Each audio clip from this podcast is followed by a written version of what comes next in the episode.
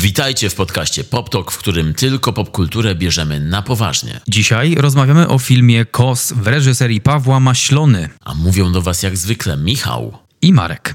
Zapraszamy.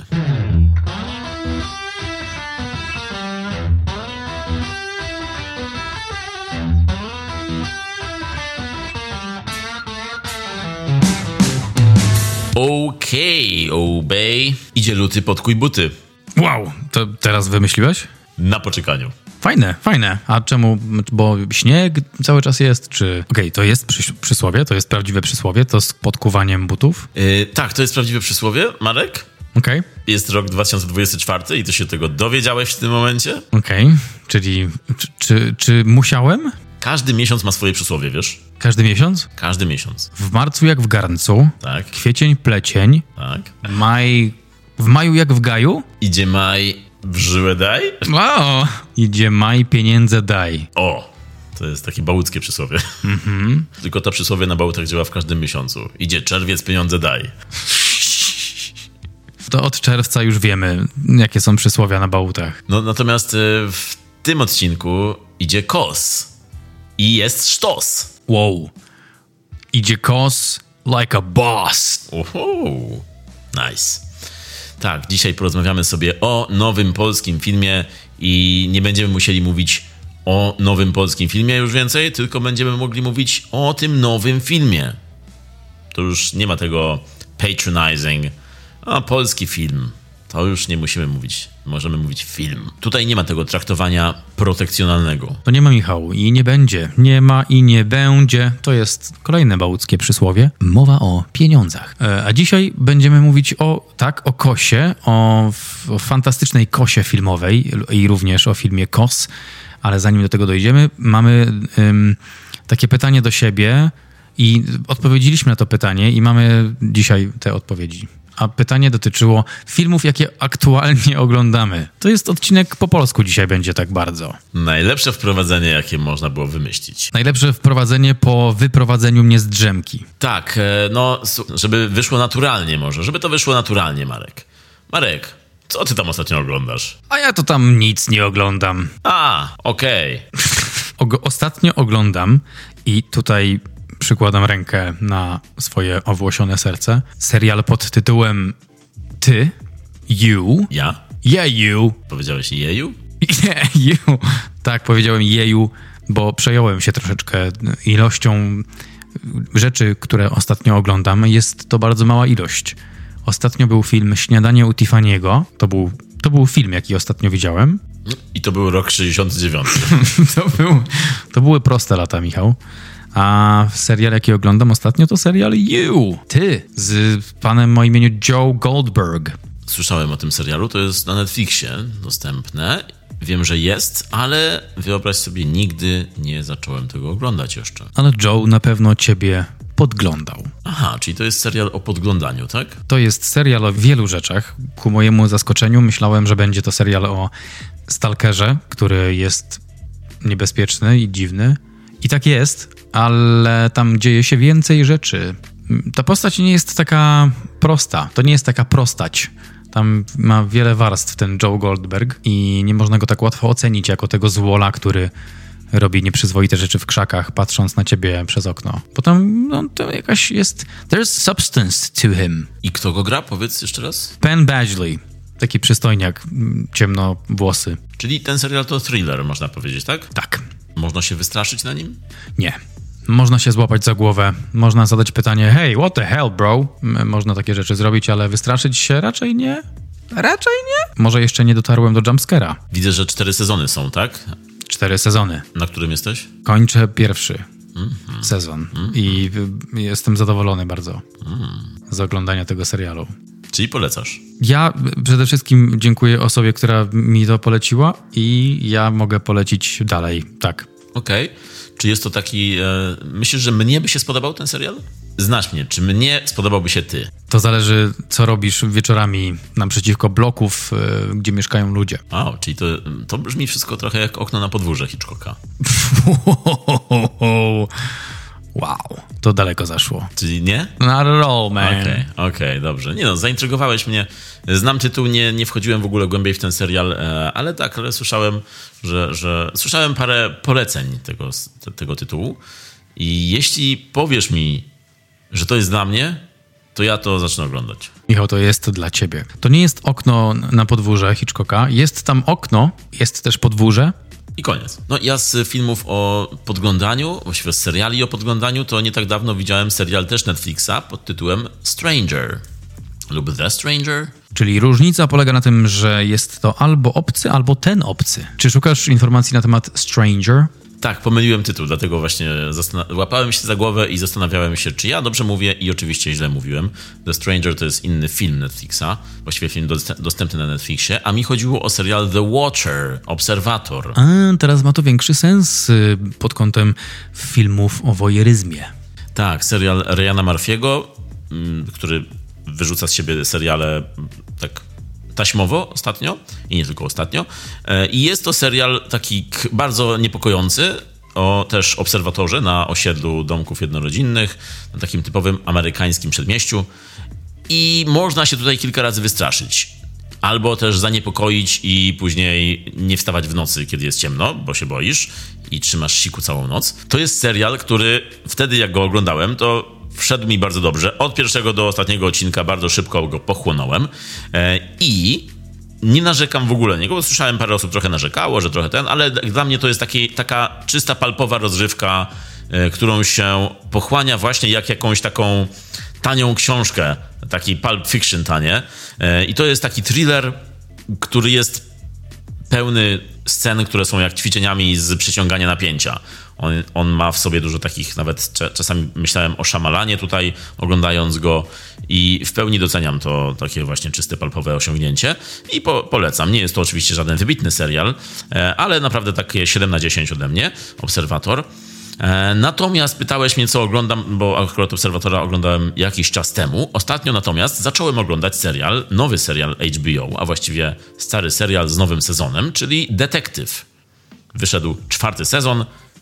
Obejrzałem pierwszy odcinek. E, w tym sezonie główną rolę gra Jodie Foster. Czy widziałeś? Nie, tego nowego sezonu nie widziałem no to zaczyna się bardzo obiecująco i bardzo inaczej niż poprzednie sezony. Ale właściwie o każdym poprzednim sezonie można powiedzieć, że jest inny od poprzedniego. Za serial odpowiada, za każdy sezon odpowiada Nick Pizzolato, e, czyli scenarzysta i reżyser też momentami tego serialu. I czwarty sezon zaczyna się jak coś. Johna Carpentera, lub też to poprzednie coś, The Thing from Another World, czyli stacja badawcza na Alasce, gdzie zapada zimowa noc, która będzie trwała, wiadomo, ileś dni i nocy. Czyli tam jest właściwie ileś dni już bez nocy. Wiadomo. Basic knowledge. Powszechna No i jest to motyw, który rzadko pojawia się w filmach, ale jak się pojawia w filmie motyw tej długiej, arktycznej, zimowej nocy, no to ja już jestem kupiony. To jest ten motyw, który, oho, macie mnie. I w tym serialu, w pierwszym odcinku właśnie zapada ta długa zimowa noc i ze stacji badawczej Ala na Alasce znika sześciu pracujących tam mężczyzn i zostaje tylko wiadomość, e, krótka, tajemnicza i Jodie Foster, czyli szefowa miejscowej policji musi teraz zacząć rozwiązywać sprawę, no i tam się podbudowuje to napięcie w pierwszym odcinku. E, jest powolny trochę ten odcinek pierwszy, ale nadal e, ja jestem bardzo zaintrygowany, co będzie dalej, zwłaszcza, że jest tam trochę taki vibe nadprzyrodzony. I, I ja jestem ciekaw, czy to idzie w kierunku z archiwum Mix, czy to idzie w kierunku Carpentera, czy jednak idzie w kierunku poprzednich sezonów Detektywa. Troszkę mistycyzmu zawsze tam gdzieś było, zwłaszcza w pierwszym sezonie Detektywa. I tutaj ten mistycyzm znowu powrócił. Jeśli oglądaliście, dajcie znać, jak wam się podobało. Ja jestem na razie do, po pierwszym odcinku, ale pewnie jak już będzie premiera tego odcinka, to ja będę już po kolejnym odcinku detektywa. Wow. Dużo, dużo razy słowo odcinek padło. Wow, wow, wow. Dużo słów w ogóle padło. Słowa, słowa, słowa, słowa, podcast, podcast, recenzja. Tak. Musimy ogólnie używać mniej słów w naszym podcaście. To, mhm. jest, to jest taki cel powinien być nasz. Ja już zacząłem, ale przypomniałeś mi o serialu um, Rodzina Soprano, który zacząłem oglądać jakiś czas temu i rzeczywiście to było coś, z czym byłem na bieżąco. Zacząłem oglądać od początku Na razie jest to pomysł zaparkowany, ale wrócę przy najbliższej okazji. Losy Tonego bardzo ciekawe, bardzo realistyczne wizyty u psychoterapeutki i realistyczna relacja pacjent-terapeuta. Realistyczny też obraz y, wewnętrzny mafii, prawda? Prawda. Also, wiem. Bo my wiemy. No ale tak, niedługo no, Oscary, niedługo podsumowanie zeszłego roku, więc e, mam oczywiście na myśli takie Oscarowe podsumowanie, nag, nag, nagrodzenie poprzedniego roku filmowego i no mam nadzieję, że ruszę z kopyta zaraz z oglądaniem. Jaki masz wynik filmów za 2023? Oscarowych? Wszystkich filmów, jakie widziałeś. Ile tam było? Wszystkie. Super. A dzisiaj mówimy o e, filmie Pawła Maślony. Mógł to być, to było pewnie jakoś powyżej 300. To było pewnie jakoś około 350 mogło być. Czy, to, czy ta odpowiedź cię satysfakcjonuje? Tak, bardzo dziękuję. I słuchacze też ci dziękują. Także to był nasz small talk. To chciałeś powiedzieć. To chciałem powiedzieć. To jest to, co chciałem zaznaczyć. Dziękujemy ci, Michał. Czy Paweł Maślona też by ci podziękował? Um, Paweł ma ślona. To jest ślon, Marek. Nie wiesz? Bo Paweł go ma. Od tej pory wymyślając żarty po prostu będziemy powtarzać nazwę czegoś, dopóki nie zacznie nas bawić. To, to musi samo przyjść po prostu, Marek. To, ten żart musi sam przyjść. Paweł Maślona ym, pewnie cieszy się na to, jak próbujemy wymyślić żart do jego nazwiska, ale przechodząc do jego filmografii, to ym, chciałbym wspomnieć tylko, że widziałem jeden jego film, Łącznie z kosem? Łącznie z Kosem 2. Był to film Atak Paniki z 2017, Czyli widziałeś wszystkie jego filmy, bo wyreżyserował dwa filmy pełnometrażowe. więc tak, Michał. Bo Paweł Maślona to bardzo e, ciekawa, obiecująca, właściwie już ponad to słowo obiecująca postać, bo to jest w pełni rozwinięty twórca już e, na polskim polu filmowym. E, Człowiek, którego atak paniki wyszedł w kinach w 2017 roku. To był jego debiut pełnometrażowy, filmowy i debiut bardzo dobrze przyjęty. Film, który ja obejrzałem w kinie i zrobił na mnie bardzo duże wrażenie. Bardzo mi się podobał atak paniki. I tak jak wielu widzów, mogę powiedzieć, że miałem podczas niego atak paniki ponieważ ten film jest, e, ma konstrukcję trochę taką właśnie, jak narastający atak paniki, nawet sam twórca tak mówi, że, że taki był jego zamysł. No i ja mu wystawiłem takie 8 na 10 mocne. Bardzo mi się kojarzył z filmem Dzikie Historie, który wyszedł w podobnym e, momencie, z tym, że Atak Paniki niesie w sobie jednak, e, on, on też tak łączy kilka historii, jest tam kilka losów, które się splatają, ale ma inne emocje w swoim rdzeniu i traktuje troszkę o innych rzeczach, ale też nie jest bardzo jakoś różny, tak, jeśli, jeśli te emocje tutaj bierzemy na tapet. No i słuchaj, atak paniki, już wtedy myślałem sobie, że to jest człowiek, którego warto obserwować i którego nie mogę się doczekać kolejnego filmu. I nie pomyliłem się, bo to rzeczywiście jest unikalny twórca.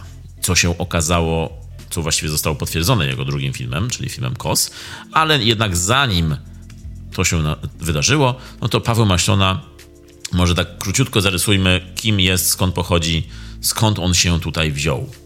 Wiemy już, że ma Ślona, ale skąd ma, tego się nigdy nie dowiemy.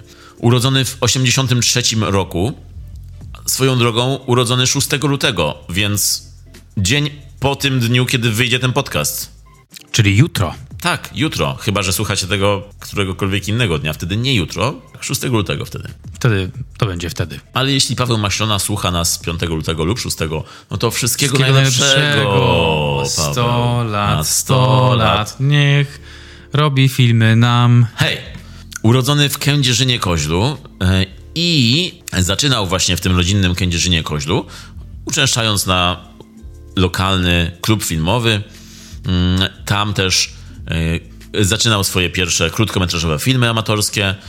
Kręcił e, takie etiudy jak Ostatnich gryzą psy, Mleko, czy takie tam. To są tytuły jego tych pierwszych filmów amatorskich, za które nawet wygrywał e, nagrody na festiwalach. I kontynuując swoją edukację, poszedł na Uniwersytet Śląski w Katowicach, gdzie studiował reżyserię. Tam poznał innego twórcę, innego reżysera i scenarzystę, który był bardzo ważny dla Maślony w jego życiu, czyli Marcina Wronę. Marcin Wrona to jest reżyser i scenarzysta, który ma na koncie m.in. film Chrzest, ale też jeden z rzadkich przykładów polskiego horroru, czyli film Demon.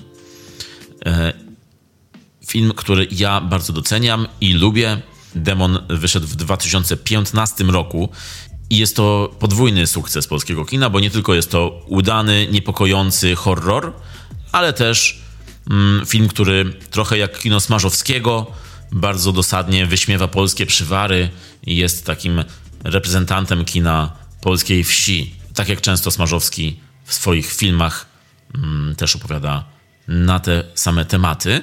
E, natomiast Demon jest dużo bardziej gatunkowym filmem e, i wielka szkoda i wielka tragedia nastąpiła w roku premiery tego filmu, ponieważ Marcin Wrona odebrał sobie życie i niestety już e, w 2015 roku w wieku 42 lat odszedł. Także Masiona podkreśla, że Wrona był bardzo ważny w jego rozwoju i w filmowym rozwoju i w jego życiu, ponieważ Wrona był osobą, która przyjęła go do szkoły, Pawła Maślone przyjęła do szkoły filmowej.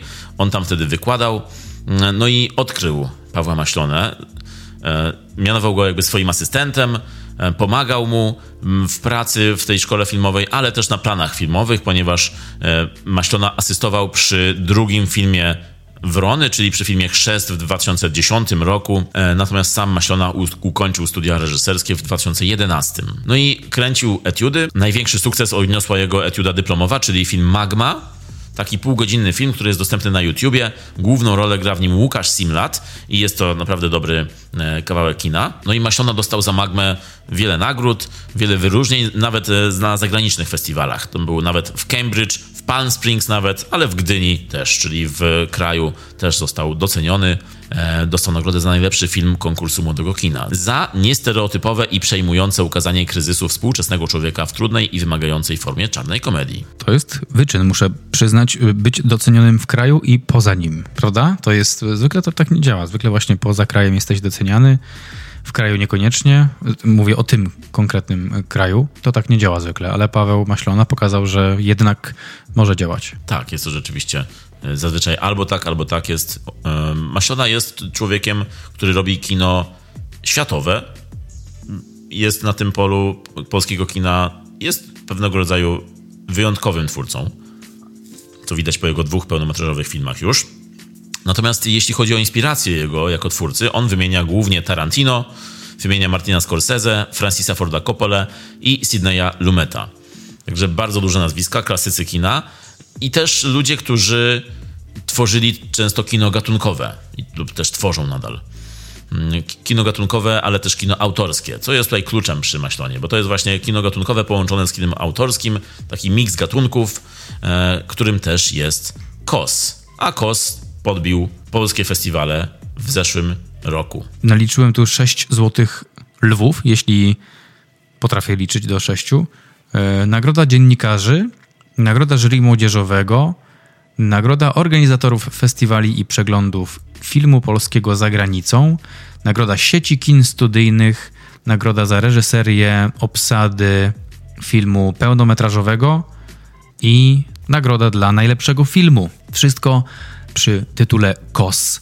E, no my dzisiaj może aż tak się nie dziwimy po obejrzeniu tego filmu, ale widać e, jak, e, no właśnie, co tu widać, bo kino gatunkowe u nas nie radzi sobie jakoś świetnie, a pojawia się pan Paweł Maślona i nagle się okazuje, że artyści, widzowie, krytycy chcą kina gatunkowego. To, to, to czemu, czemu, czemu śpi ta Polska gatunkowa? Dodam tylko, że z tego co ja wyliczyłem, film KOS zdobył 9 złotych lwów. Wow. Może dlatego powiedziałeś 6, bo po prostu do góry nogami czytałeś. To 6 czy 9? Być może w twoich notat notatkach było to 6, bo czytasz notatki do góry nogami. Robię to często, jestem z tego znany. To jest odwieczne pytanie, czemu to kino gatunkowe w Polsce jest y, takie uśpione? Być może dlatego, że u nas y, przez większość roku panuje jednak ta pogodowa depresja i i kino śpi. Jesteśmy takim niedźwiadkiem Europy, tak? Kinowy niedźwiadek Europy, tak. Budzimy się tylko tak na wiosnę, początkowym latem i zaraz już zasypiamy. I, I, potem tylko filmy o wojnie i stratach w, w ludziach. I że jest depresja i jest smutno ogólnie w Polsce. Tak, to tak jak w serialu 1670 było powiedziane, że tutaj jest pięknie przez trzy miesiące roku, czyli latem. Od, od czerwca do sierpnia chyba, tak było powiedziane. Do połowy, tak. Do połowy się, tak. Także, także wtedy też nasze kino jest piękne. E, ale no, ostatnio e, był taki czas w polskim kinie, że, że się śmiano, że to jest kino moralnego niepokoju, że już dajmy spokój, że po prostu dogonimy ten zachód, czy ogólnie za granicę. Wydaje mi się, że już dogoniliśmy i, i robimy bardzo dobre polskie kino. Z tym, że też często musimy dodawać, że jest to jednak bardzo dobry polski film, czy też jak na polski film to jest bardzo dobre albo bardzo duże osiągnięcie. I, I rzadko się zdarzają takie dobre polskie filmy, żeby wyrzucić epitet polski i po prostu powiedzieć bardzo dobry film. E, według mnie i z tego co wiem, według ciebie też Kos jest takim filmem. Myślę, że dzisiaj w podcaście głównie będzie padać słowo wow. I te nagrody oczywiście są bardzo zasłużone. To jest polskie kino gatunkowe, które jest też kinem autorskim. Czyli tak jak Maślona ma swoich e, twórców, którymi się inspiruje, tak samo on robi się właśnie tym, tego rodzaju twórcą, który tworzy kino, taki miks kina gatunkowego, mainstreamowego z kinem autorskim, które kryje w sobie coś więcej. Natomiast oprócz filmów w swojej filmografii Masiona ma też seriale, czyli reżyserował odcinki serialu Motyw i serialu Pisarze, serial na krótko. E, czyli też jest twórcą do wynajęcia, jak to jednak reżyserzy w Polsce muszą być, bo tak to myślę, że ciężko byłoby się utrzymać. No i też ważny wpis w jego filmografii to jest to, że współtworzył scenariusz do filmu, o którym mówiłem, czyli film, filmu Demon Marcina Wrony. I kiedy spojrzymy właśnie na filmografię Maślony, no to jak dla mnie to jest bardzo dobra filmografia do tej pory, czyli... Oh yes. Czyli te filmy naprawdę trzymają bardzo wysoki poziom. E, I mam nadzieję, że tak będzie dalej. No i tak, polskie kino gatunkowe. Marek, co myślisz o tym? Pod kątem Pawła tylko może powiem, że to jest imponujące, że on wjeżdża z gatunkami, robi różne filmy, e, robi dramaty, thrillery, robi filmy takie akcyjniaki, e, komedie, which is fun. Właśnie dobrze, że takie kino robi, że nie jest doceniony tylko w kinie Holokaustu, albo nie jest tylko dramatycznym twórcą, tylko bawi się gatunkami. I to jest super. I tego Tarantino, e, tego Coppole, tego Scorsese, go widać. I to mnie się podoba. A kino gatunkowe w Polsce no śpi. Wydaje mi się, że śpi i wydaje mi się, że nie chce spać. I nawet przygotowując się do tego nagrania, jak czytałem wywiady i oglądałem wywiady, to e, ludzie wypowiadali się raczej tak pozytywnie, że, że niektórzy aktorzy mówili, że zawsze chcieli w takim filmie kostiumowym grać tego typu, że ludzie czytający, aktorzy czytający scenariusz byli bardzo zaciekawieni e, wieloma warstwami, skomplikowaniem postaci, e, ale też tym, że jest tam komedia, że jest element komedii, że czuć napięcie w, w scenariuszu, jak rośnie. No, tym wszyscy no, dobrze się bawią po prostu i wydaje mi się, że widzowie też chcą się bawić tym. No nie jest to takie purystyczne podejście do tematu i, i pokazanie e, życia Kościuszki od dechy do dechy. To jest jakaś wariacja i no i tak tytułem wstępu może powiem, że mi dobrze się to oglądało i gatunki dobrze zrobione, tak zrobione, ludziom będzie się dobrze oglądało. Tak, no ludzie myślę, że oczekują od kina gatunkowego czegoś więcej niż to, co polskie kino do tej pory e, stara się nam zaoferować. Czyli są to głównie komedie romantyczne e, i głównie na to samo kopyto. Lub jest to film pokroju Pieprzyć Mickiewicza, o którym ostatnio mówiliśmy. Lub jest to, nie wiem, Kogel Mogel 5. To jest to, co się sprzedaje i to, co twórcy, bądź bardziej producenci myślą, że widzowie tylko obejrzą w kinach, więc idźmy w to. Listy do M i inne serie filmowe, które oczywiście nie są niczym złym. Zawsze serie filmowe napędzają kina, napędzają e, produkcję. Z tym, że u nas w polskim kinie brakuje tej, tej przeciwwagi dla, dla właśnie tego. W kinie amerykańskim oczywiście jest miejsce i na wielkie franczyzy, i na mniejsze, e, oryginalne scenariusze filmowe, oryginalne produkcje. U nas właśnie jest mało miejsca na te oryginalne produkcje, które nie są częścią jakiejś marki E, dlatego bardzo dobrze, że taki kos się u nas pojawił, bo jest to film zaskakująco dobry. Jest to film, który wszyscy powinni obejrzeć. Jeśli mm, macie zamiar wyłączyć podcast za chwilę, to po prostu najpierw idźcie na ten film do kina. To jest przesłanie nasze e, tego odcinka i to jest najważniejsze, co chcemy Wam powiedzieć dzisiaj. Natomiast idąc e, dalej w film Kos. To powiedz mi, Michał, jaką ksywę miałby Piłsudski? Chcesz, żebym powiedział pił? No właśnie, nie wiem, co chcę. Chcę, żebyś po prostu powiedział. Tak, obstawiam pił. Pił? Obstawiam, że pił. Ja, ja myślę, ja, ja, bym, ja tak myślałem sobie, że mógłby być Sud. Jakby miał oczywiście amerykańskiego ordynansa, to byłby Sud. A, to brzmi dobrze, bo pewnie go czytali Piłsudski. Nie, nawet nie, Pilsudski. Hmm? Może Pill. Hey, Pill. Hey, Phil i nagle staje się zwykłym filmem z przedmieść. Natomiast tak, Tadeusz Kościuszko, e, ksywa Kos. Kas. Kas, okej. Okay. Czytane tutaj przez bohatera granego przez Jasona Mitchella, czyli e, czarnoskórego niewolnika, który zostaje uwolniony z niewoli przez Kościuszkę i są przyjaciółmi, podróżują do Polski razem i tutaj są tak, od tego momentu zaczyna się taki buddy movie, właściwie na samym początku jest już buddy movie, bo oni wędrują. Może powiedzmy o czym jest ten film, nie każdy pewnie go oglądał, to tak w skrócie. No to pierwsza moja informacja jest taka, że przykro mi, bo nie będzie w skrócie, a druga informacja jest taka, że to jest true story. Nie wiem, czy wiesz, Kościuszko i jego ordynans podróżowali ze Stanów i trafili do Polski właśnie po to, żeby przeprowadzić insurekcję, żeby powstało e, chłopstwo i szlachstwo i wszystkstwo żeby walczyli z Rosjanami i Prusami. I był, był mężczyzna, który był niewolnikiem, którego Kościuszko wyzwolił i Kościuszko walczył w, w wojnie o niepodległość w Stanach. I to jest true story. To znaczy ich relacja przedstawiona w tym filmie nie wiemy, czy tak wyglądała. To jest już fantazja twórców, to jest wymysł, to jest scenariusz, ale to, że podróżowali razem, to jest jak najbardziej prawdziwa historia. No i tutaj mamy oficjalny, oficjalny, mamy taki oczywisty mm, podskok do filmu Tarantino Django, gdzie mamy lekarza, dentystę, slash yy, łowcę yy, głów, który wyzwala, u, uwalnia yy, swojego czarnoskórego przyjaciela i podróżują po kraju, żeby, no, co tu dużo mówić, wymierzać sprawiedliwość. I mamy tutaj takie, właśnie jak powiedziałeś, body movie. Relacja między Kosem a Domingo, granym przez Jasona Michela. No i hmm, o czym jest w ogóle Kos? Ja to mam w punktach. Punktów jest sześć, więc będzie zupełnie, bardzo niestandardowo, jak na moje opowiadanie, o czym są filmy. Więc jeśli jest ich sześć, to będzie ich dziewięć.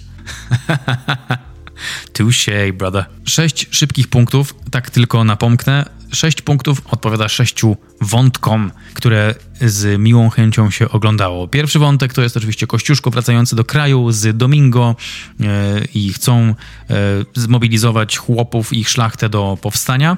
Drugi e, wątek to jest, no, reprezentuje go pan Robert Więckiewicz postacią Dunina, który poluje na Kościuszkę Tadeusza i jego przyjaciela, ale bardziej na Tadeusza.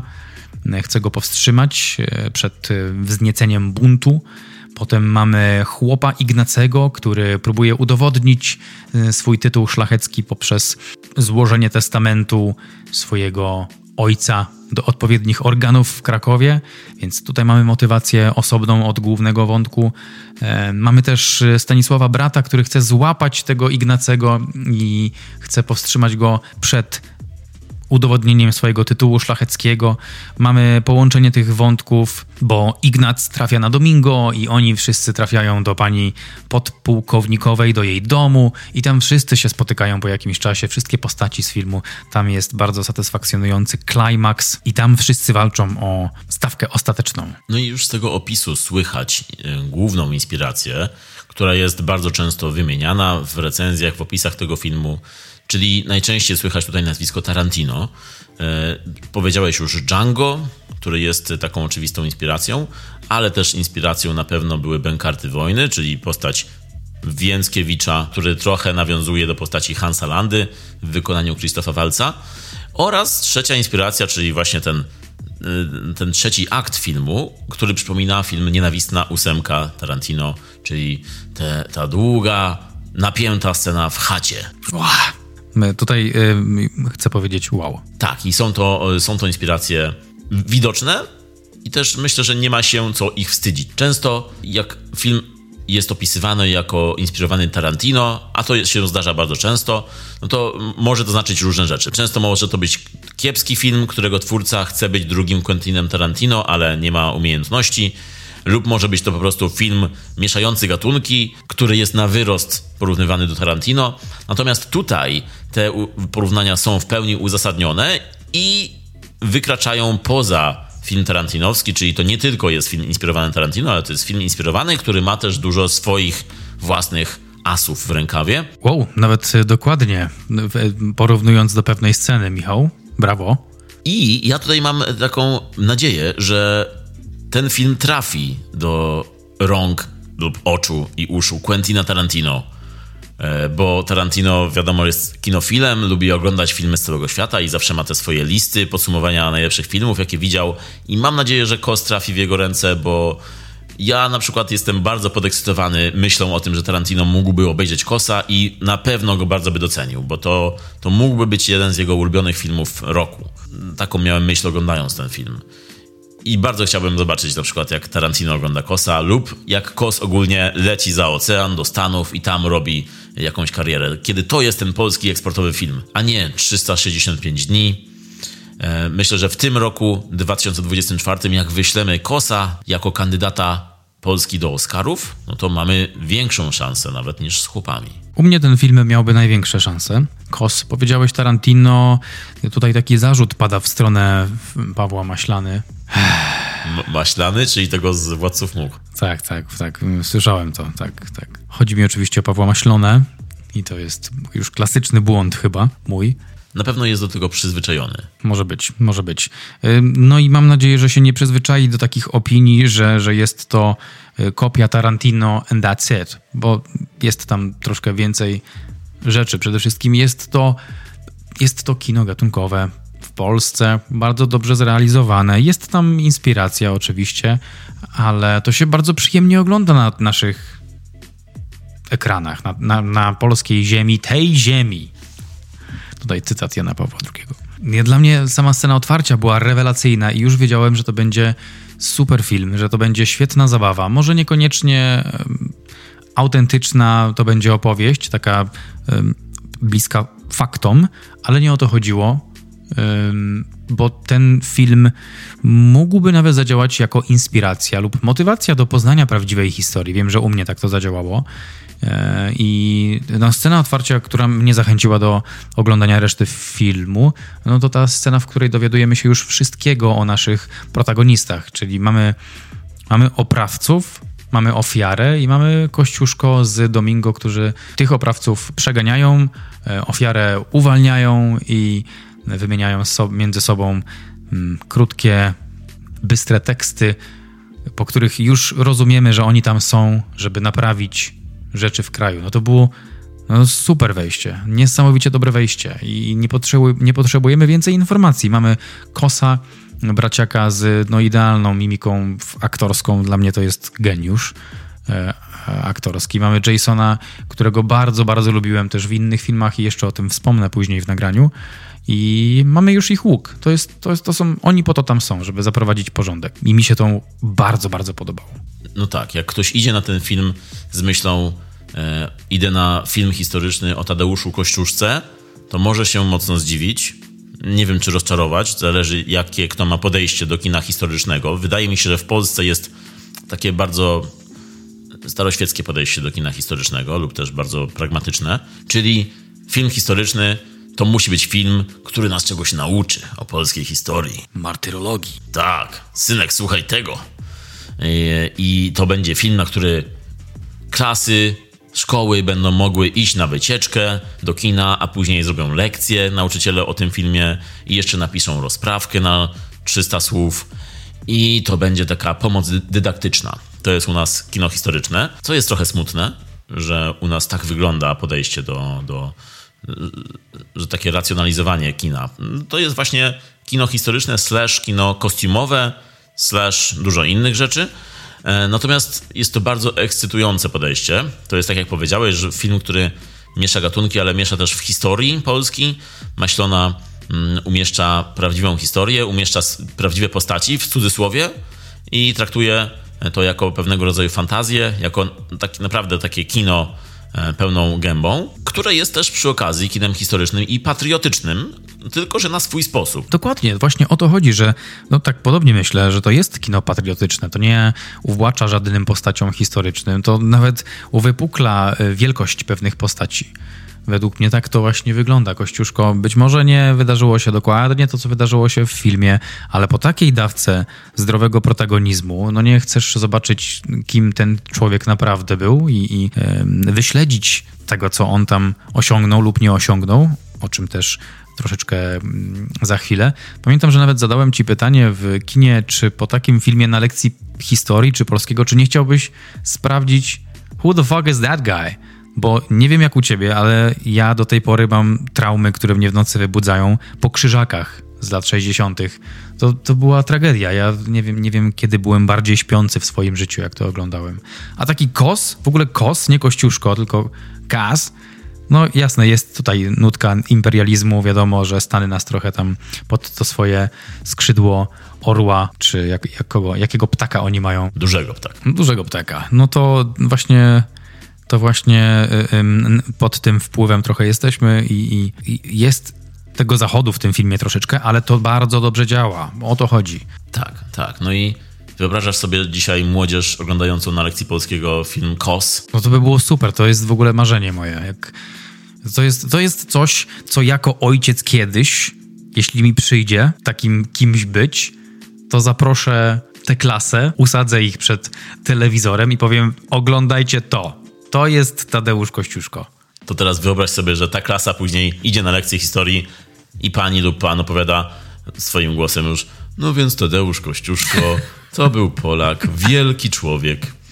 I później już puszczasz taki film i później już może być tylko gorzej na lekcji tak naprawdę. To nauczyciela też zaproszę. To jest film, który zabija polską edukację w tym momencie już, bo nic nie dorówna po prostu tej lekcji wyniesionej z tego filmu. No faktycznie, to jest bardzo wysoka poprzeczka. Nauczyciele nie, nie będą nadanżać za tym. To jest tak jakbyś po filmie o wyścigach, nie wiem, Ferrari albo Ford versus Ferrari wsiadł w DU.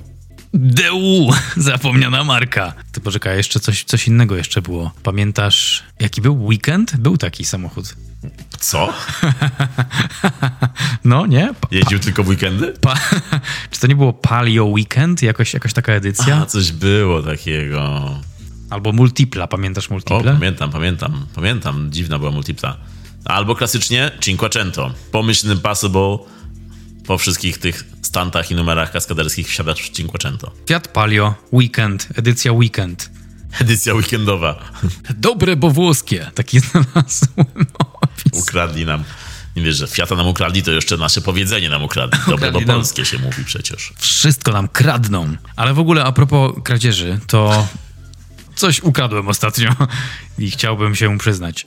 E, nie. Czytałeś, czytałeś, no na pewno czytałeś, bo sam zwróciłeś na to uwagę podczas e, oglądania filmu. Na samym początku, ile tam było koprodukcji, ile tam było finansowania. Ja tutaj mam nawet listę, którą mogę się podzielić. Jest, było, było Aurum Film, K5 Film, K5 International, Krakowskie Biuro Festiwalowe, Mazowiecki Warszawski Fundusz Filmowy, Mazowiecki Instytut Kultury, Podkarpacki Regionalny Fundusz Filmowy, Polski Instytut Sztuki Filmowej i teraz y, dźwięk Marszu Śmierci z Gwiezdnych Wojen. Telewizja Polska. Wow. Jedyne, myślę, że jedyny region, który się nie dołożył, to chyba tylko Zgierz. Ale do czego się kiedykolwiek Zgierz dołożył? Zgierski Instytut Filmowy. Mamy kliszę i... E, I dyktafon. Ale nie mamy baterii. Bateria w, w, w tym. Sosnowcu. Sosnowcu. Dokładnie. tak działa ten ok okręg zgiersko-sosnowski. To jest taki trójkąt bermudzki.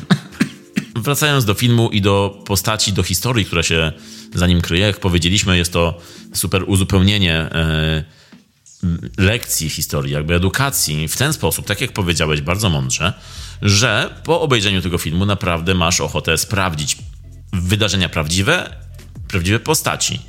masz ochotę to sprawdzić. E, czego nie można powiedzieć o wielu polskich produkcjach historycznych, tak zwanych. Natomiast bądźmy szczerzy, postać Tadeusza Kościuszki.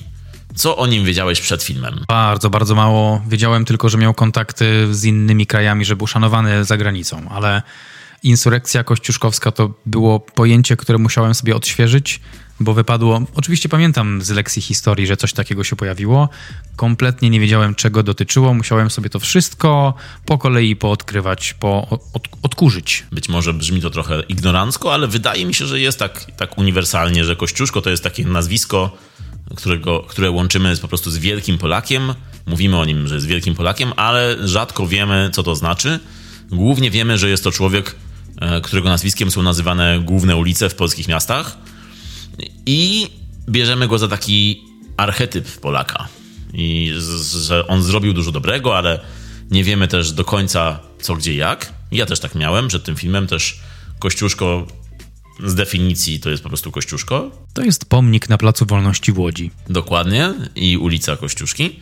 Zawsze rozkopana i zawsze w remoncie. I zawsze nie wiem, kiedy się zaczyna, a kiedy kończy, kiedy jest zachodnia, a kiedy Kościuszki. To jest taka metafora właśnie polskiej e, historii. No to super, że ten film właśnie pokazuje Kościuszkę jako bohatera, ale nie tak jak wcześniej bywało w kinie, czyli wielki Polak to zazwyczaj kolejny polski cierpiętnik bohater.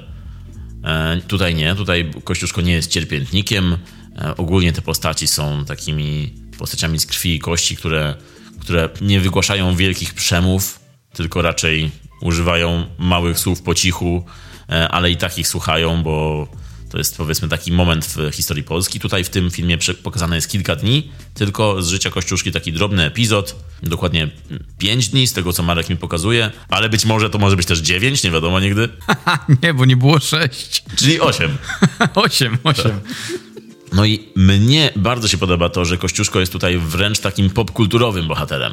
Dokładnie, to jest taki fucking badass. To jest lepsza postać niż, powiem to, niż Napoleon. To pan, pan braciak, bracie mój, no rewelacyjna rola.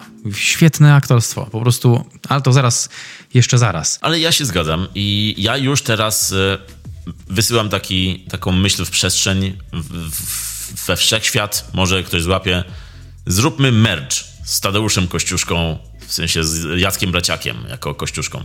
Zróbmy merch z filmu KOS. Ja chcę po prostu mieć figurkę Braciaka jako Kościuszki i chcę, żeby moje dziecko się nie bawiło i strzelało się Kościuszką żeby to był, wiesz, o, Kościuszko z Domingo biegną teraz uwolnić Super. i później będzie stało na półce i w ogóle będziemy się bawić Kościuszką. Super, super pomysł. Y, also usłyszałem, zróbmy mecz.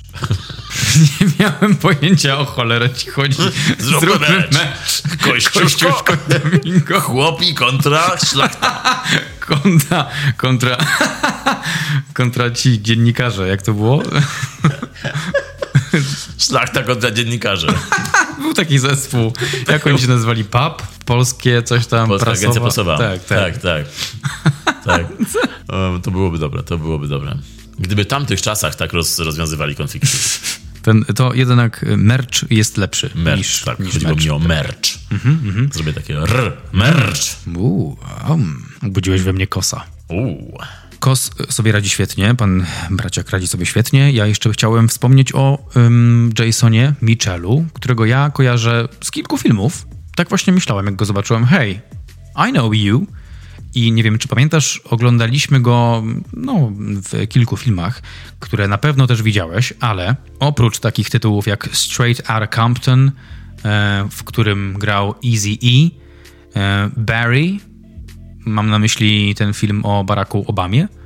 E, Disaster Artist, tam też się pojawił. Mudbound, bardzo fajny film o e, południowych Stanach Zjednoczonych e, w dawniejszych latach, latach, w których była ostra segregacja rasowa. Kong Wyspa Czaszki i film Tyrell. Nie wiem, czy pamiętasz. American Film Festival we Wrocławiu. 2018 rok. Tyrell, film, który ze mną został z jakiegoś dziwnego powodu.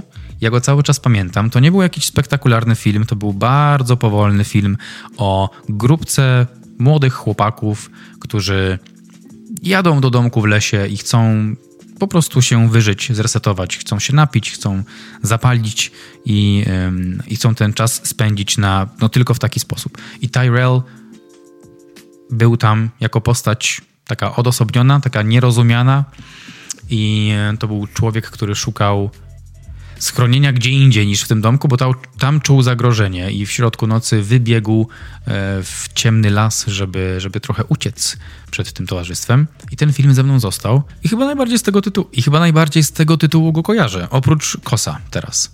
To było dla mnie zaskakujące. No ja głównie znam go z właśnie Straight Outta Compton jako Easy E, ale pamiętam go też e, z filmu Zola, gdzie zagrał jedną z pobocznych ról. E, natomiast jest to rzeczywiście twarz rozpoznawalna i bardzo jest to fajne i miłe, że będzie to twarz rozpoznawalna z filmu KOS. Dokładnie.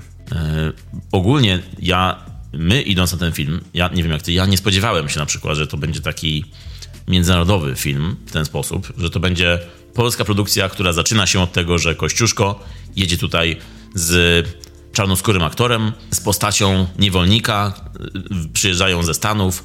Zaczęło się to bardzo tak światowo, bardzo amerykańsko powiedziałbym, ale powiedziałbym po prostu bardzo międzynarodowo. Ogólnie bardzo niepolsko to się zaczyna i ten film jest e, w bardzo pozytywny sposób niepolski i tutaj nie mam nic złego na myśli. Super, że taki aktor gra taką rolę w polskim filmie, że nie jest to jakiś aktor z łapanki, tylko jest to naprawdę porządny aktor hollywoodzki, amerykański, który gra naprawdę dobrą rolę w polskim filmie i do tego prawdziwą postać która jest e, ich przyjaźń oczywiście, tak jak powiedziałeś, jest inspirowana, jest, e, mm, jest wymyślona, e, bo nie wiadomo, czy tak było, czy nie. Być może tak było, ale na pewno razem jeździli i na pewno jeden drugiego uwolnił i, i, i znali się przez długi czas, razem walczyli.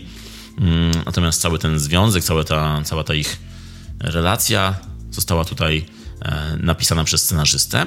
Swoją drogą, scenarzystę Michała Zielińskiego, którego to był debiut scenariopisarski. Czy ty w to jesteś w stanie uwierzyć? No świetny debiut. Świetny, świetny. Od dialogów, przez sceny, ogólnie przez fabułę, przez strukturę.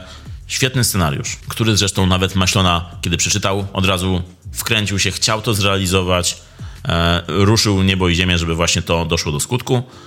Ponieważ, no wiadomo, w Michała Zielińskiego być może nikt tak bardzo nie wierzył, no bo nie miał żadnego backgroundu, nic tam nie miał portfolio do pokazania, e, ale jednak to wyszło i to jest super, że ten film, który miał po drodze pewnie trochę trudności, wyszedł i wyszedł bardzo, bardzo dobrze. Ten scenariusz e, opowieści, przynajmniej Pawła Maślony, powstawał wiele lat i był długo z Michałem. On się rozwijał w Michale i scenariusz, jak powstał, to spodobał się Pawłowi reżyserowi, który sam o Michale wypowiada się tak, że Michał doskonale rozumie dramaturgię. To jest taki trochę cytat. A życie Tadeusza Kościuszki dla Pawła Maślony y, było na tyle inspirujące, że no sam powiedział, że to nie jest jego życie to nie jest jeden film. To są co najmniej dwa filmy, bo tyle tam się działo, tyle osiągnął. No i dla, dla Maślony to była bardzo inspirująca postać. Jest Tadeusz Kościuszko. Według niego bardzo wyprzedzał swoje czasy i, i o takim człowieku dla niego warto robić filmy. Więc ja w ogóle trochę też Pawła Maślony słuchałem w różnych wywiadach, przygotowując się do tego nagrania i bardzo mi imponuje ten gościu. W sposób, w jaki się wypowiada, jest bardzo świadomy um, palety emocjonalnej człowieka, historii tego, w jaki sposób film, co może pokazywać, w jaki sposób to pokazać. Jest, jest to człowiek, który sporo myśli, zanim odpowie. Widać, że jest taki autentyczny w tym, co robi. Także sama przyjemność. Jestem spoiler, ciekaw, co, co jeszcze zrobi. A zapytany też przez dziennikarkę ze zwierciadła, e, za co kocha kino, lub inaczej, czy uważa, że kino potrafi zmieniać ludzi i rzeczywistość, to odpowiada tak skromnie, ale troszkę ze świadomością, że dla niego e, kino to jest coś, co kocha, ponieważ można wtedy fantazjować. Dobrze powiedziane. Mm, I trochę podejście Pawła Maślony właśnie w tym, co teraz mówisz, w tym fantazjowaniu i w tym troszkę luźnym podejściu do, powiedzmy, do historii. Przypomina mi trochę Ridleya Scotta w tym, e, że właśnie Scott też zrobił Napoleona luźno podchodząc do historii, z tym, że nie nie jest tak dobrym efektem jak Maślona, czyli to jest moment, kiedy można powiedzieć, że Maślona zrobił e, lepiej to niż Ridley Scott. E, Scott został trochę zjechany za Napoleona, nawet bardzo. Ja bym go tak nie zjechał za tego Napoleona, co zresztą nie, czego zresztą nie zrobiłem, ale też, no, już mówiliśmy o tym, nie jest to dobry film, ale nie jest też zły. Natomiast Maślona właśnie podchodzi luźno do historii, traktuje to jako fantazję i przy tym też trzeba też dodać, że nie samym kościuszką ten film stoi, bo ten film ma wielu bohaterów i ma też różne perspektywy. Te perspektywy się zmieniają, tak jak my przeskakujemy z bohatera na bohatera.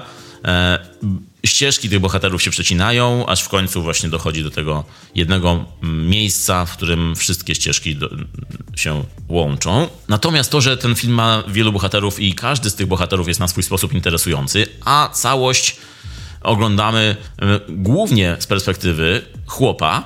Wydaje mi się, że to jest ta taka główna postać, mm, nietytułowa, wiadomo, ale trochę bardziej główna niż Kościuszko, czyli chłop grany przez Bartosza Bielenie, czyli Ignac. Chłop, który mm, e, jest synem z nieprawego łoża szlachcica, e, który umiera i zostawia testament i Ignac nie, nie umie czytać, ale z tym testamentem udaje się w podróż, żeby, został, żeby zostać uznanym e, jako spadkobierca, żeby dostać swoją należność, swoją ziemię.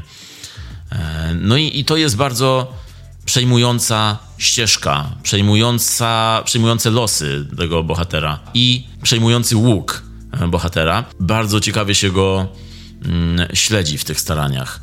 I to, gdzie z nim dochodzimy ostatecznie, to jest też świetne rozwiązanie. Nie dla każdego, może nie dla bohatera, ale filmowo jest to naprawdę wow. Mm. Wielkie wrażenie zrobiło na mnie to zakończenie, finał tego filmu mm. ogólnie. To, kiedy ten film wybucha um, emocjami i ogólnie wybucha, nie, będzie, nie będziemy spoilować.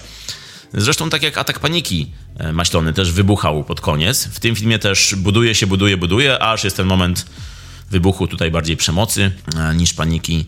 Tak, tak, ten, ten scenariusz jest świetnie zbudowany i zrealizowany i nawet nie tylko, e, nie tylko na poziomie scenariusza, ale też na poziomie aktorskim relacja między bohaterami i te dialogi są tak świetnie wygrane, no i też otoczenie. Mamy takie. Jak myślę o tym filmie, to myślę o słowie warstwy. Jest warstwa wizualna, warstwa scenariuszowa, aktorska i one wszystkie świetnie współgrają równolegle do tego, żeby dostarczyć nam w tym momencie kluczowym jak najlepsze rozwiązanie i wszystko tam działa taki sposób, żeby scenariusz zyskał na mocy. Nawet gdy jest gęsto między bohaterami, to za oknem e, strzelają pioruny, to jest wichura, to jest, są błyski, jest, są grzmoty, e, jest audialnie niebezpiecznie, jest wizualnie niebezpiecznie, jest noc, jak zbliżamy się do rozwiązania, z kilku stron czujemy zagrożenie, bo nie tylko ze strony głównych bohaterów, ale też czuć napięcie w pobliskiej stodole, w pobliskiej karczmie, w, w lesie, w którym napada ktoś na kogoś. No wszędzie się dzieje cały czas. I to świetnie działa na, na dramaturgię, na napięcie. No i są też dwie postaci, bądź też dwoje aktorów, o których trzeba jeszcze wspomnieć e, w naszej rozmowie, czyli jest to Robert Więckiewicz, w roli Dunina, już o tym o nim wspomniałeś, ale no jest to świetna rola. Można go przyrównać do Christopha Waltza w, w Bękartach Wojny, bo jest to tego samego rodzaju postać, czyli jest to też jakby łowca. Mm. Tyle, że tutaj on ściga Kościuszka. No i ma o wiele lepszego wąsa niż Christoph Waltz, bo przede wszystkim swojego. Nie wiem, gdybyście się zastanawiali, czy to doczepiany, to, to nie. Pan Więckiewicz zapuścił. Tak, wygląda super jako ten Rosjanin i, i zachowuje się E, no, jest, jest tak naturalny w tym swoim zachowaniu, jako typowy Rosjanin. Tutaj jedziemy po Rosjanach. Teraz już można, Michał, jest 2024. Dokładnie. Zawsze można było, bo Rosjanie to zawsze jednak byli dla nas, wiesz... I Szwedzi, pamiętaj. A. Zresztą z ust Dunina, czyli Więckiewicza, padają tutaj, tutaj takie zdania, które bolą nas widzów polskich, czyli to, jak mówi, że Polacy to zawsze przegrywają, czy to takie bardzo bardzo dobre, bardzo dobrze napisane zdanie, że Bóg, honor, ojczyzna, w jakiej kolejności e, Polacy to traktują, że zawsze najpierw jest Bóg, później honor, a na końcu ojczyzna i że są to trzy rzeczy, o które Polacy się głównie kłócą. I że te zdania mówi Rosjanin w tym filmie, to dodaje do odczytania też e, tego filmu, tego scenariusza. Bo kontekst akurat tego narodu, który zawsze nam grozi, zawsze stoi nad nami z tym palcem wyciągniętym. Tak, mateczka Rosja, która wie, jak się nami zaopiekować, bo my sami nie wiemy, bo się tu kłócimy i sami się od środka niszczymy. Tak, i jeszcze to, że bohater Więckiewicza jest tego rodzaju zagrożeniem tutaj, które, który potęguje to napięcie, nie wiemy do końca, co, co wie, czego nie wie. E, no, bardzo dobrze to działa. I druga osoba, czyli Agnieszka Grochowska. Hey Grow! Hey Grow, mówiliśmy o niej więcej przy okazji filmu Dzień Matki, gdzie porównywaliśmy ją właśnie A Grow. Dlaczego A Grow? Bo porównywaliśmy ją do J-Lo. Dzień Matki już za 4 miesiące i ja jestem pewien, że wyślę jej pocztówkę z życzeniami. Jako taka przyszywana matka. Tak. Filmowa. Tak, tak, to, to jest jej dzień zdecydowanie. I to jest też dzień, w którym warto odświeżyć sobie film Dzień Matki. No Agnieszka Grochowska w tym filmie. Jedyna taka kobieta w męskim świecie tego filmu. Jedyna taka kobieta, kropka. Zgadza się, A Grow. Pani podpułkownikowa e, Agnieszka Grochowska zapytana o to, yo, so jak tam twoja rola? Odpowiada, że zawsze chciała grać w filmie kostiumowym i to jest jej marzenie spełnione, zrealizowane, więc super gratulujemy tutaj z tej pozycji. Za mikrofonów to była świetna rola, świetnie odegrana, pełen profesjonalizm. To się tyczy też reszty obsady. Pani podpułkownikowa e, jest tutaj takim sprawnym towarzyszem w męskim świecie. Nie jest to kobieta, która usługuje, która pyta się, czy tak jest dobrze, czy tak jest źle, tylko dotrzymuje kroku w tym zimnym, bezlitosnym męskim świecie, w którym nie ma zasad. Jak to sama zaznacza nawet w pewnym momencie w filmie, że gra w karty, umie w karty, y, bo są tam zasady, y, nie tak jak w życiu. No i moment, w którym dobywa strzelby. Oh man. Wow. Ciary! Tak, także no jest to świetna rola tak jak pozostałe role, swoją drogą powiedziałeś, że Grochowska chciała zagrać w filmie kostiumowym. Podobnie wypowiadał się Więckiewicz, który powiedział, że dawno nie zaangażował się tak szybko i tak mocno w żaden scenariusz, który przeczytał, jak w ten właśnie. Chyba jeszcze wypada wspomnieć o jednej małej roli, drugoplanowej, czyli pan Łukasz Simlat, którego nie poznałem. Nie wiedziałem, że to jest on, nie poznałem go pod tym wąsem. Ziomek, co on tam wyprawiał? To jest rola dzięki której nowego znaczenia nabiera wyrażenie palce lizać. O, wow, wow, wow, wow, burn! Kurczę, i każda inna reakcja. Ja bym powiedział, że nowego słowa, słowo, które nabiera nowego znaczenia, to obrzydliwe. Tak, tak. I to mówię o, o, o całości jego roli, nie o tej konkretnej scenie, o której ty mówisz. Według mnie on w napisach powinien być wymieniony jako Łukasz Simlat, jako... Tak ohydny był. I od pierwszych scen już był taki obleśny i... Ta ślina zwisająca mu cały czas. Tak. tak, tak. Pluje cały czas czymś, nie wiem, czy on, on to je, czy on to gdzieś znalazł, czy on to przełyka w ogóle kiedykolwiek. Y, jest obleśny, niebezpieczny, nieobliczalny, agresywny, jest kompletnie nie do polubienia. Kompletnie. Ech. I a propos jeszcze, scena ogólnie w tej karczmie, ogólnie cała ta sekwencja w karczmie to jest wow, jedno wielkie wow. Realizacyjnie, Oj, w ogóle tak. tempo i to jak to się rozwija mistrzostwo. Ogólnie masz swoją ulubioną scenę z tego filmu? Oj, ciężki wybór. Troszkę nad tym myślałem. No, ogromne wrażenie na mnie zrobiła początkowa scena, oczywiście. E, tak jak mówiłem, już dała mi do zrozumienia, o czym będzie film, czy film będzie dobry, jakie są motywacje bohaterów. Bardzo mi się podobał finał. No przecież finał to była taka sieczka, tam się tyle działo i momenty przygotowujące nas na finał. To, co się działo tam jeszcze w lesie, Ogólnie oglądając ten film, miałem ogromną ochotę wrócić do świata Red Dead Redemption, bo to był taki vibe e, wczesnych Stanów Zjednoczonych, e, gdzie wszędzie, żeby się dostać, musisz jechać konno, gdzie jeśli nie weźmiesz lampy naftowej ze sobą do lasu, no to nie macie, zginiesz. Jeśli nie z rąk innych ludzi, to jakichś zwierząt. No bardzo mi się to podobało wszystko, to malowanie światłem, no finał, finał i kolory tam i te sceny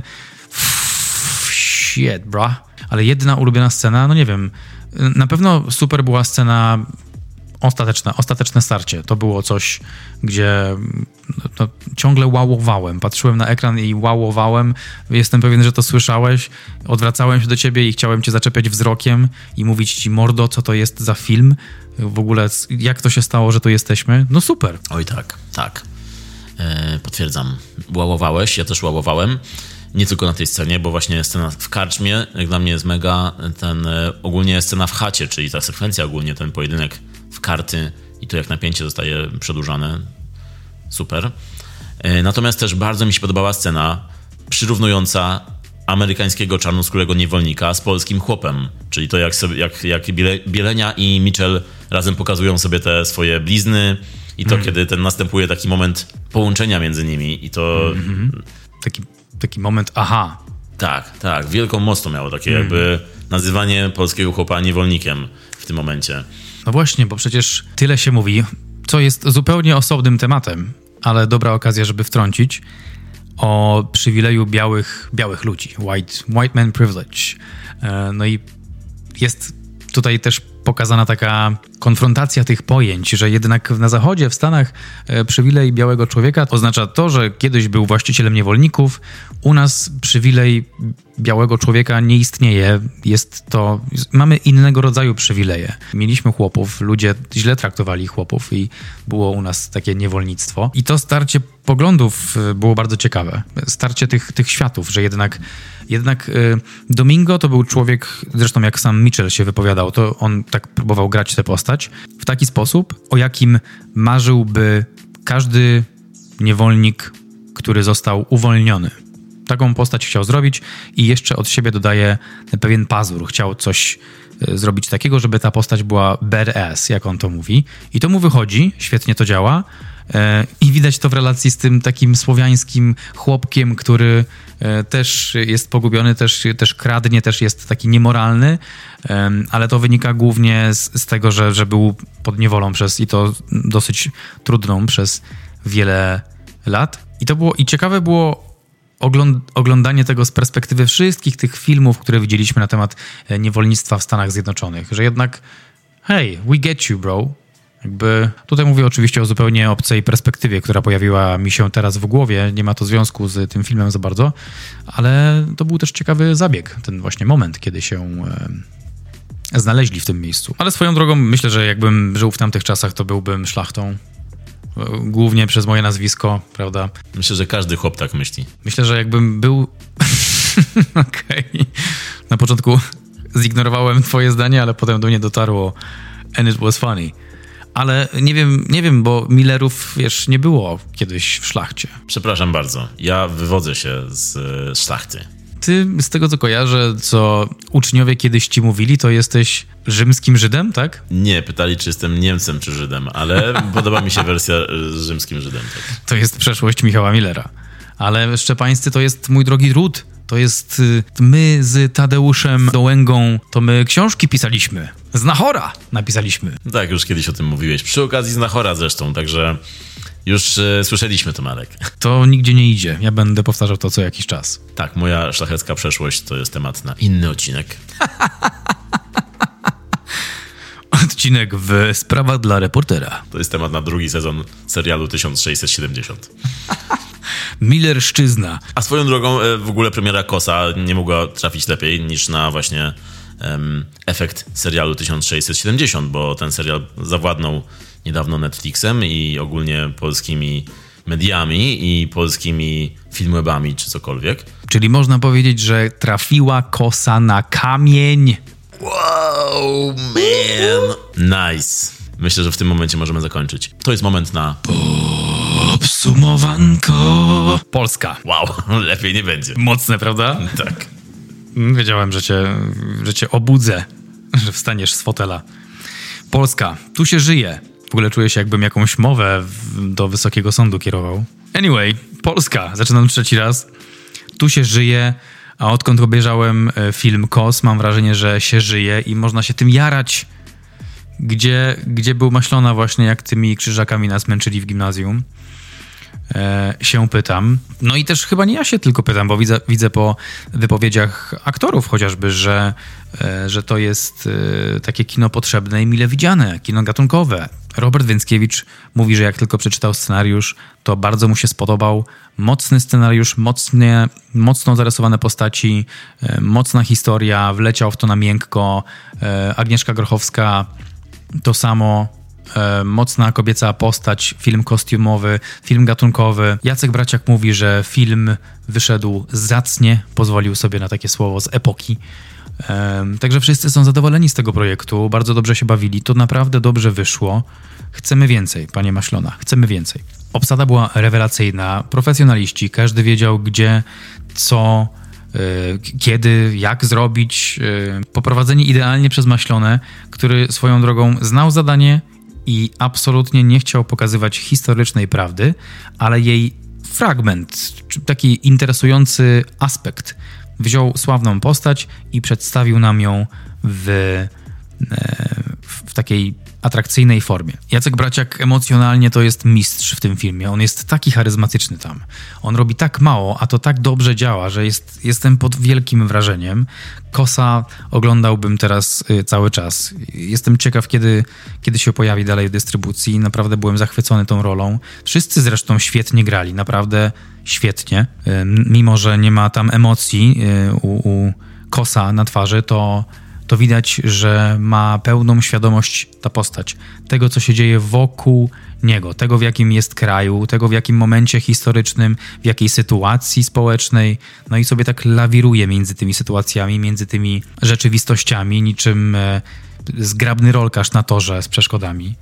E, no i oglądać go to sama przyjemność. E, zresztą zawsze była. Scenariuszu mamy wiele wątków przeplatających się, nachodzących na siebie, spotykających się w, jakimś, w jakichś momentach. E, też mi się teraz przypomniało to, jak Domingo z Ignacem się pierwszy raz spotkali. Jaka to była pełna akcji scena, pamiętasz to? Jak wpadli do wody, jak uciekali przed kulą, jak e, potem próbowali się dogadać i to było takie komiczne, ale w taki dobry sposób, z wyczuciem, ze smakiem. Także duża, duża spójność, duża dojrzałość gatunkowa w scenariuszu, rozwiązywaniu tej fabuły towarzyszyła pogoda. Gdy coś się zmieniało, to ta pogoda też się zmieniała. E, muzyka, muzyka. Mikołaj Trzaska, e, Drogówka, Róża, Dom Zły, Pod Mocnym Aniołem, Wołyń, Kler, teraz Kos. No, człowiek, który ogromną ilość dobrych rzeczy zrealizował i muzyka w tym filmie, mówię to z lekkim sercem, fajnie mi przypominała takie klimaty jak właśnie Red Dead Redemption, już wspomniany przeze mnie, lub nawet e, Czas Krwawego Księżyca klimat tworzony przez muzykę to klimat, który ze mną został po seansie. Niestety film nie kończy się dobrze, nie mówimy jak, bo, bo to już jest. Historycznie może nie jest to spoiler, ponieważ ta insurrekcja nie wypaliła, nastąpił trzeci rozbiór Polski. Natomiast film kończy się w taki sposób, że mimo, że jest gorzki, to jest tam światełko, jest tam pewna nadzieja odbudowania, nie zostawia nas z taką biedą mentalną i, i wypłukaniem emocjonalnym E, bohaterowie, mimo że podniszczeni wydarzeniami, to mieli taką w sobie świadomość porażki, z której chcą wyjść na prostą. Mimo, że to nie było hollywoodzkie piękne zakończenie pełne fajerwerków i pięknych filtrów na obrazie, to przebijała przez to pewna mocna słowiańskość. Jest świetny ten film wizualnie, tutaj też E, stoi za tym człowiek doświadczony, pan Piotr Sobociński junior, też Róża, Bogowie, Drogówka, Cicha Noc, Najlepszy, Boże Ciało czy Hyacynt, sceny w nocy, malowanie światłem, chiaroscuro, dynamika kamery w scenach akcji, e, no nie wiem, sceny walk w świetle pożaru. Wow, po prostu, po prostu wow. No i za te wszystkie rzeczy, Wysoki Sądzie, ja, ja daję. Ja dzisiaj myślałem, że dam 8 z serduszkiem, ale, ale z chęcią wjadę w 9. I już mówię czemu. Przede wszystkim za, może nawet w tej kolejności, za wchodzenie w gatunki, e, które u nas trochę śpią, za sposób, w jaki reżyser broni tego filmu, chociaż tak naprawdę nie musi bronić, on broni się sam, ale poziom świadomości pana Pawła Maślony e, w wywiadach i, i jego jego refleksyjność, no tutaj na mnie bardzo dobrze działa i jestem pewien, że to jest człowiek, który ma w sobie jeszcze dużo do opowiedzenia, dużo wartości i dużo do wniesienia do świata filmowego, do tej branży. Bardzo mi się podoba, jak opowiada o procesie tworzenia filmu, o, o, o swoich dziełach. Dziewiątka też za wprowadzanie życia do nietętniących nim już zapomnianych polskich bohaterów. We mnie pojawiło się życie po tym filmie. Sprawdziłem jeszcze bardziej, kim jest Kościuszko, poczytałem trochę o nim. E, wow. Quite an impressive fella. I dla mnie no, jest styczeń. I mimo stycznia KOS już jest na podium najlepszych filmów polskich 2024 roku. Więcej takiego kina poproszę. No to ten KOS zwiastuje wiosnę. Wow, ten KOS zwiastuje wiosnę, czyli kiosna. Nie. Wow. W taki sposób to właśnie zepsułem. Paweł Maślona w wywiadach mówi o swoim filmie takie ciekawe zdanie, podsumowując y, swoją fabułę. Cytat. Oto co delikatne, subtelne, też się trzeba napierdalać. I że wolność trzeba wyszarpać. Co było bardzo ciekawym zdaniem dla mnie podsumowującym Kosa i ogólnie e, ten etap historii Polski. Tak, tak, to było piękne, jak powiedział o tym, e, o tym gniewie, tak? O tym budującym się gniewie, że to jest piękna emocja, którą, którą nie doceniamy tego i że to jest rzecz, która działa na korzyść, że ona może budować dużo rzeczy. To jest właśnie ta refleksyjność, to jest właśnie to. Go on. co łączy y, czasy filmowe z czasami ak- aktualnymi, obecnymi i czyni ten film na pewno bardziej aktualnym. No, no ale wymowa wymową, która oczywiście jest tutaj na miejscu, jest ciekawa, to jest y, bardzo dobre kino gatunkowe, kino zemsty, tak jak y, lubimy. Y, też western trochę, też trochę kino kostiumowe. Y, Jest to film brutalny, ale też zabawny, ale nie, nie zapominajmy o tym, że jest to też film dramatyczny. No i dlatego jest nazywa, nazywany też tarantinowskim, bo miesza gatunki, e, miesza historię, ale też inspiruje się i te inspiracje pożycza z różnych fajnych miejsc. Z tym, że oprócz tego wszystkiego ma też dużo swojego. To, co mnie się bardzo, bardzo podobało, to przede wszystkim scenariusz, y, ale też reżyseria i to, w jaki sposób ten scenariusz jest pokazany na ekranie. Różne perspektywy, e, które się przecinają, różne ścieżki tych bohaterów, które się przecinają. Zdjęcia Sobocińskiego, o czym, o czym powiedziałeś, kostiumy, charakteryzacja, po prostu wow. E, To jest jedno wielkie wow, ten film. I role, o których wspominaliśmy, no ja nie powiedziałem jeszcze wystarczająco, a nigdy nie można powiedzieć wystarczająco o Jacku Braciaku. To jest e, człowiek, który zawsze działa w każdej roli, nadal jest go za mało w polskim kinie, e, mimo że go jest więcej. No to świetna rola, świetny Kościuszko, świetny wybór w ogóle jego do tej postaci. I to, ile on luzu wnosi w tę postać, taką jednak postać, którą nie kojarzymy z luzem, to jak on jest e, wolny w portretowaniu tego Kościuszki. I ogólnie ten film ma dużo luzu i wolności w portretowaniu tych czasów, postaci, w podejściu do, do kina e, kostiumowego, historycznego. Gdyby KOS powstał w Stanach, to byłby faworytem w wielu wyścigach nagrodowych. E, byłby już klasykiem, byłby na listach najlepszych filmów. No jest to jedno wielkie wow. Widziałem ostatnio taki hashtag gdzieś i ja się pod tym podpisuję. KOS to sztos. Natomiast Paweł Maślona miał moją ciekawość, teraz ma moją uwagę. Cytując Tarantino. Także ode mnie 9 na 10, też mocne 9 na 10. Wow, wow, wow. Co za historyczny dzień dla nas wszystkich. To będzie też historyczny dzień e, 5 lutego, gdy będzie premiera tego odcinka. E, To będzie Narodowy Dzień e, Słuchania Suchych Rzeczy. Słuchania. Swoją drogą, e, masz jakieś takie pytanie, które chciałbyś zadać e, reżyserowi tego, tego filmu? Y, Moje pytanie brzmi, jakie jeszcze dobre filmy zrobisz? Bardzo dobre pytanie. Ja bym zapytał, gdzie byłeś, jak puszczali nam krzyżaków? Myślę, że był wtedy właśnie w klasie i oglądał Krzyżaków. No i polecamy wam wycieczkę do kina, polecamy wam, ponieważ kos od tyłu czytane to jest sok, a sok z kosa to... Chcę wiedzieć, do, dokąd to zmierza. To chyba nigdzie nie zwierzę. Chyba nigdzie. Ale coś mi, coś mi e, przypomniałeś teraz, jak e, to mówiłeś. I o tym kosie i wiośnie, i teraz o tym kosie od tyłu. Przypomniało mi się, że widząc plakat tego filmu, pomyślałem sobie, wow, ale nuda. Pamiętasz, jak mówiliśmy o białych plakatach w komediach romantycznych w polskich?